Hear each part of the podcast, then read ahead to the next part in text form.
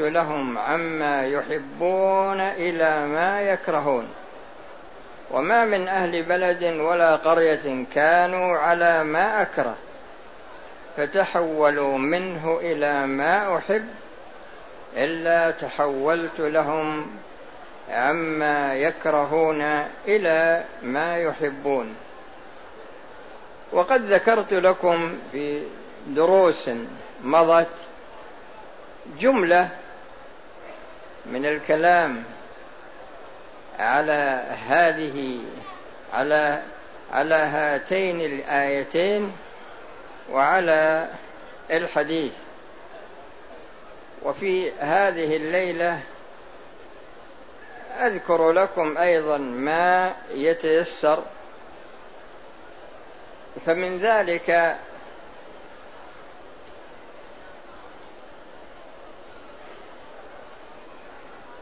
بيان العلاقة بين الشيطان وبين قوم صالح لأن الله سبحانه وتعالى أرسل صالح.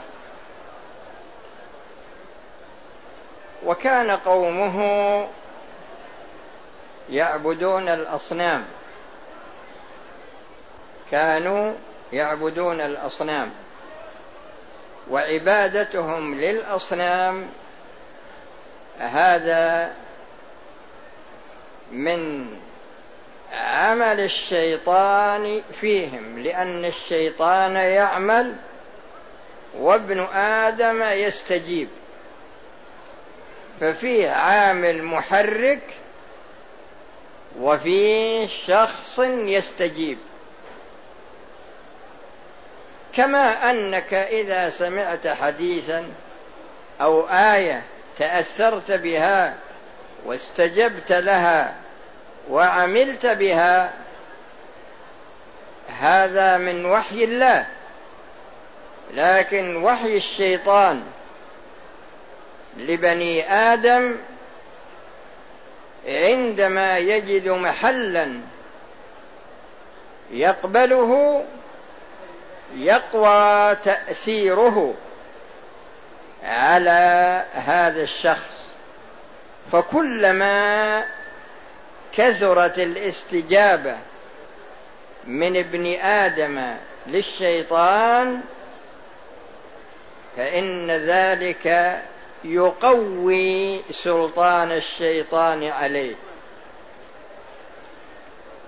أرسل الله صالحا إلى قومه وكانوا يعبدون الأصنام. والشيطان منعهم. يعني ألقى في قلوبهم الامتناع عن قبول دعوة صالح. لأن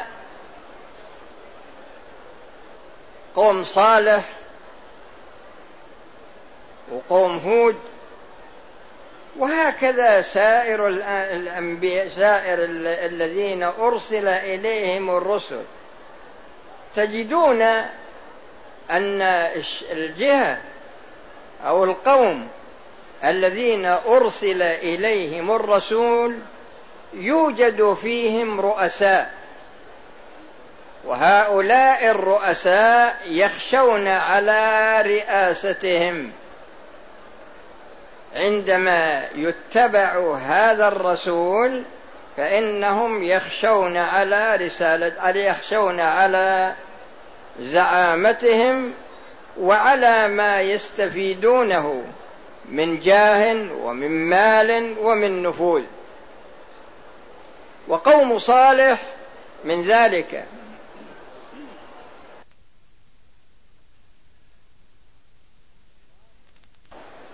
صالح عليه السلام دعوتهم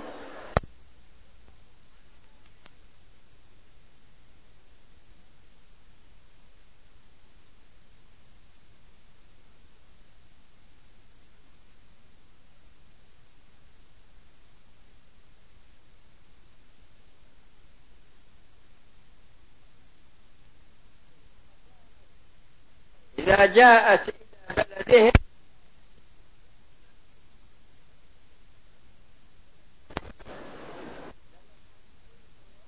ولكم شرب يوم معلوم. الماء كله. وتدر كلهم. بدلا عن الماء. ذهبت ترعى فإنهم يشربون الماء. وقد ذهبت إلى مدائن صالح وهي كما ذكرها الله وتنحتون من الجبال بيوتا فارهين فتجد الجبل منحوت فيه بيت متكامل وكأنهم لم يخرجوا منه إلا الآن. يعني جديد ما حصل تغير أبدا. فسألت بعض الأشخاص عن حوض الناقة وسألته عن مدخل الناقة وعن مخرجها فدلني على مدخلها ومخرجها ومترته ووجدت أنه سبعون مترا. وإذا دخلت تكب مع هذا الجانب يعني يضيق بها. وهذا يدل على عظمها. أما شربها فهو حوض كبير جدا. نهاهم الله عن قتلها. هذه آية تدل على صدق صالح. ونهاهم الله عن قتلها.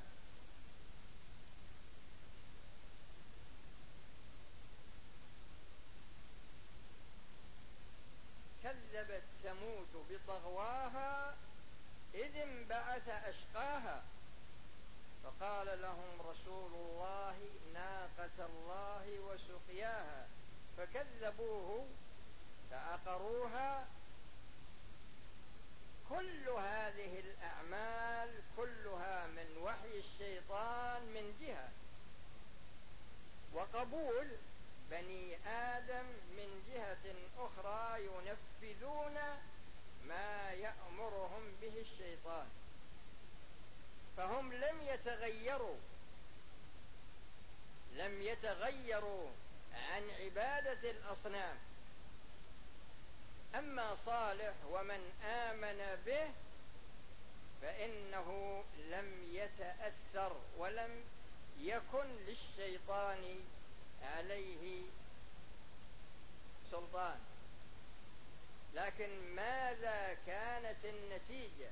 يعني كانت نتيجة عصيانهم لله وطاعتهم للشيطان. ماذا كانت النتيجة؟ أخذتهم الصاعقة. أرسل الله صاعقة فقطعت قلوبهم في أجوافهم ولم يبق قلب لم ينقطع.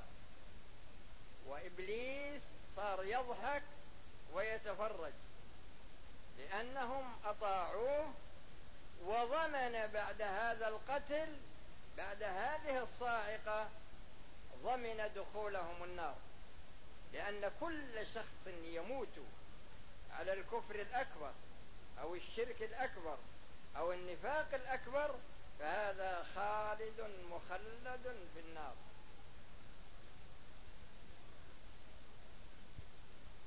فانظروا إلى موقف الشيطان من قوم صالح. أضلهم في البداية وحافظ على هذا الإضلال بعدما جاءهم صالح. واستمر في صرفهم عن الحق وأخذهم بالباطل نزلت عليهم العقوبة العاجلة. وأما ثمود فهديناهم فاستحبوا العمى على الهدى فأخذتهم صاعقة العذاب الهون. يعني أرسل الله صاعقة وقطعت قلوبهم في أجوافهم فلم يبق قلب ذكر ولا أنثى من منهم إلا وانقطع قلبه وبقي في جوفه. وماتوا. بعد هذا الموت مآلهم إلى النار. وبهذا يتبين لنا أن الشيطان يؤدي رسالة. يؤدي رسالة لأنه طلب الإنظار إلى أن تقوم الساعة. يعني عمره طويل. لا ندري متى ابتدأ عمره لكنه معمر إلى أن تقوم الساعة. قال رب أنظرني إلى يوم يبعثون قال إنك من المنظرين. هذه المدة التي يعيشها مع بني آدم عمله معهم هو إضلالهم عن طريق الحق. فذكرت لكم فيما سبق موقفه مع ربه أولا ثم موقفه مع آدم وحواء ثم موقفه مع نوح وقومه ثم موقفه مع إبراهيم وقومه ثم موقفه مع مع هود وقومه. وهذا موقفه مع سمو مع صالح وقومه. وأنت يا عبد الله واحد من بني آدم. والشيطان يشتغل معك في الليل والنهار. ما منكم من أحد إلا ومعه شيطان. قالوا حتى أنت يا رسول الله. قال حتى أنا إلا أن يتغمدني الله برحمته. فابن إبليس مع كل واحد منا ويشتغل معه يعني يؤدي وظيفة. هذه الوظيفة هي تثبيطك عن الخير وحملك على السوء. هذه الوظيفة اللي هو يؤدي. وأقربهم وأقرب ذريته إليه إلى إبليس أكثرهم اضلالا لبني آدم. لأن كل واحد من أولاده يداوم ثم يرجع إلى أبيه وهو إبليس ويخبره بما جرى منه من الإضلال. فأقربهم إليه منزلة أكثرهم إضلالا لبني آدم. فأنت يا عبد الله انتبه لنفسك لأنك واحد من بني آدم ومعك شيطان وهو يشتغل فيك. فكل جانب نقص في دينك فهذا من تأثير قرينك هذا من جهة. وقبولك أنت لهذا التأثير. وقبولك أنت لهذا التأثير. ولهذا نجد الرسل لم يؤثر على أحد منهم. ما أثر على أحد منهم مطلقا.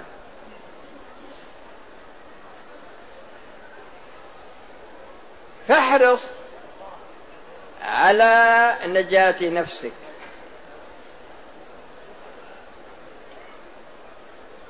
لأن فترة حياتك محدودة. وأنت منتقل من هذه الحياة قطعا. نزل جبريل على الرسول صلى الله عليه وسلم فقال يا محمد ربك يقرئك السلام ويقول عش ما شئت فإنك ميت واعمل ما شئت فإنك مجزي به نوح عليه السلام مكث يدعو قومه تسعمائة وخمسين سنة ومشى راح. أنت أعمار أمتي ما بين الستين والسبعين وقليل منهم من يجوز ذلك. وأنت إذا ارتحلت من هذه الحياة سترتحل بعملك. عمل صالح أو عمل قبيح. ولا يمكن في مواقف القيامة ما يمكن أحد يعطيك من حسناته ولا مثقال خردله. كل واحد يود أن يكون له حقا على أبيه ولا على أمه ولا أخيه ولا زوجته ولا أي واحد من بني آدم.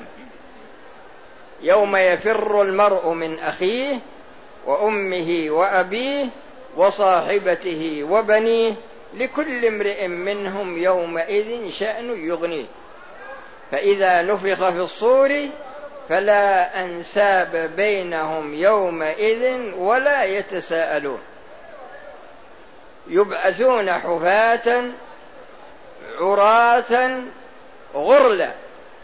قالت عائشة يا رسول الله الرجال يرون النساء؟ قال يا ابنة الصديق. الأمر أشد من أن يشغلهم ذلك. كل يريد نجاة نفسه. فأنت يا عبد الله ما دمت في زمن الإمكان. إن كنت كما ذكرت لكم في الدرس الماضي إن كنت على حالة حسنة فاحمد الله وتزود من الخير. وإن كنت على حالة سيئة فغيرها إلى حالة حسنة. ولا تكن على حالة حسنة في رمضان مثل بعض الأشخاص الذين يعبدون الله في رمضان ويقولون إنه يكفر السنة كلها. وإذا خرج رمضان رجعوا إلى المنكرات من الزنا وشرب الخمر وترك الصلاة إلى غير ذلك من الأمور المحرمة. والله سبحانه وتعالى وكل بك أربعة ملائكة. ملكان من صلاة العصر إلى صلاة الفجر وملكان من صلاة الفجر إلى صلاة العصر. واحد على اليمين والثاني على اليسار الذي على اليمين يكتب الحسنات والذي على اليسار يكتب السيئات. ما يلفظ من قول إلا لديه رقيب عتيد. إن عليكم لحافظين كراما كاتبين. فانظر ماذا تسجل في الصحائف من العصر إلى الفجر ومن الفجر إلى العصر. واعلم أن هذه الصحائف تعرض على الله يوم الاثنين والخميس. هذه الصحائف تعرض على الله يوم الاثنين والخميس. لو ان لك رئيس من بني آدم كان تهيئ نفسك تهيئة كاملة خشية من أن ينتقدك. لكن موقفك مع الله يحتاج إلى أن تفكر فيه. فإن كان هذا الموقف حسنا فاحمد الله وإن كان سيئا فعد إلى نفسك. أسأل الله بأسمائه الحسنى وبصفاته العلى وباسمه الطيب الطاهر الذي إذا دعي به أجاب وإذا استعين به أعان وإذا استغفر به غفر. أن يجعل اجتماعنا هذا اجتماعا مرحوما وتفرقنا تفرقا معصوما. والا يجعل فينا ولا منا شقيا ولا محروما. وأن يتوفانا مسلمين ويلحقنا بالصالحين مع الذين أنعم الله عليهم من النبيين والصديقين والشهداء والصالحين وأن يجعلنا من عتقائه وطلقائه من النار في هذه الليلة المباركة. والسلام عليكم ورحمة الله وبركاته. وما بقي من الوقت نجيب على ما يقدم من أسئلة.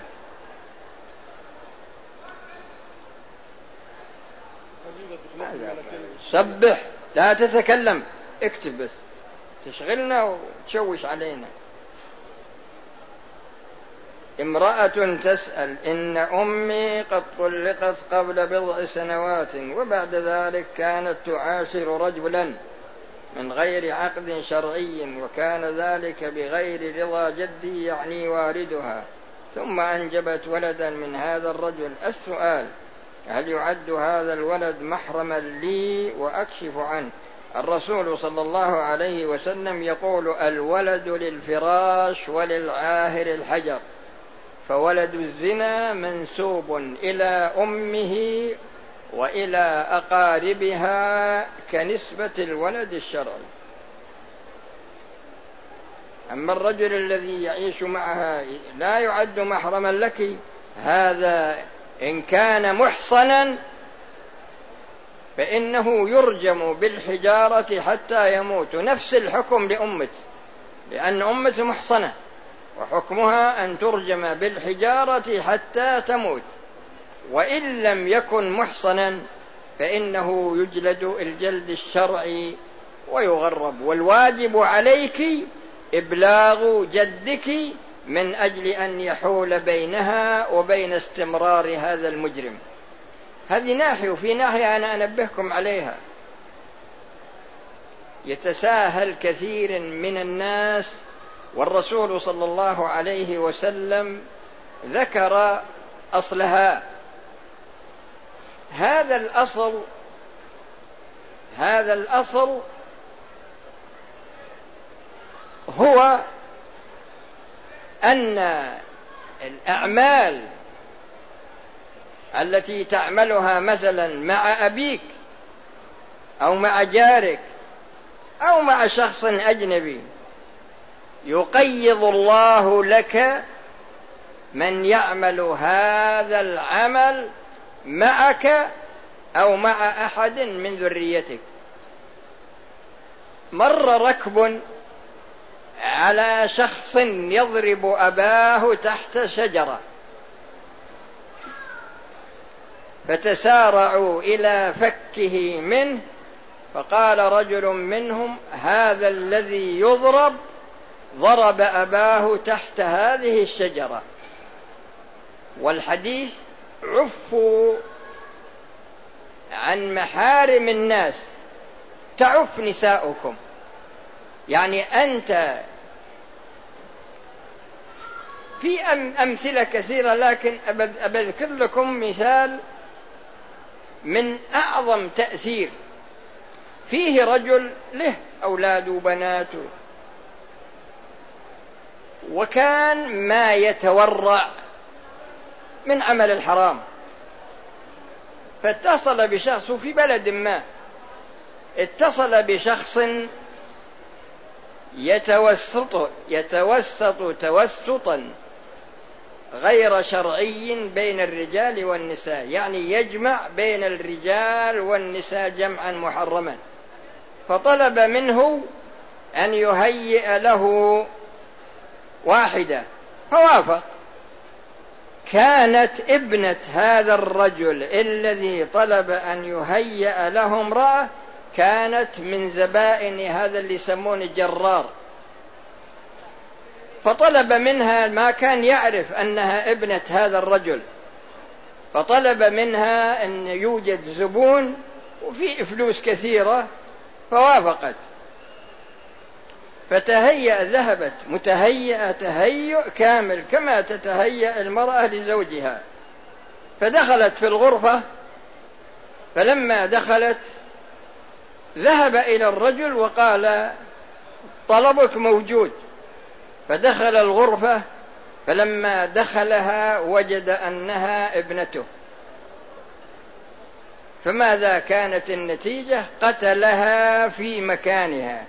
فأنت يا عبد الله إذا لم تعف عن نساء المسلمين فاعلم أن نساءك يمتهن كما تمتهن أنت نساء المسلمين. وفي قصص كثيرة في هذا الموضوع لكن العاقل تكفيه الإشارة.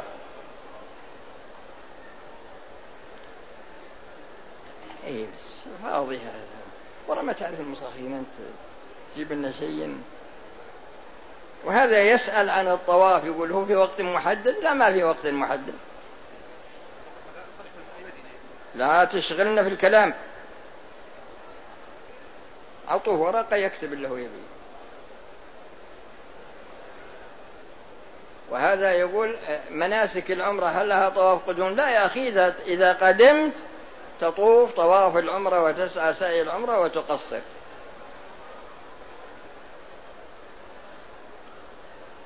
يقول هل خروج الريح هل هو ناقض للوضوء أم لا؟ نعم هو ناقض للوضوء.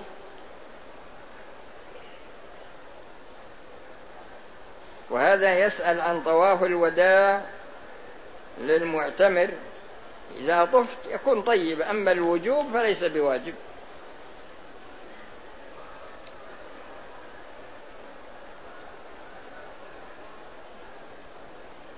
هذا يسأل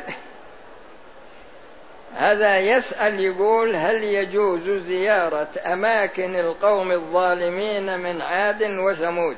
يا أخي أنا ما رحت زائر. حتى تأخذ من كلامي فتوى تقول إن فلانا أفتى. أنا كنت من جملة أشخاص ذهبنا من أجل تحديد الممنوع من ديار ثمود. لهذا الغرض يعني غرض شرعي. بعض الناس يفهم لكن يكون فهمه سارت مشرقة وسرت مغربا شتان بين مشرق ومغرب. ويقول إذا كان الإنسان يطوف وخرج منه دم إذا كان كثير ينقض الوضوء.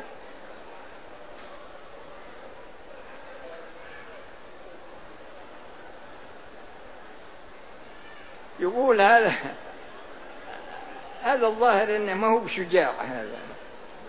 هذا يسأل يقول هل الزواج الثاني بدون علم الزوجة الأولى يعتبر خيانة؟ لأن ما أخبرها.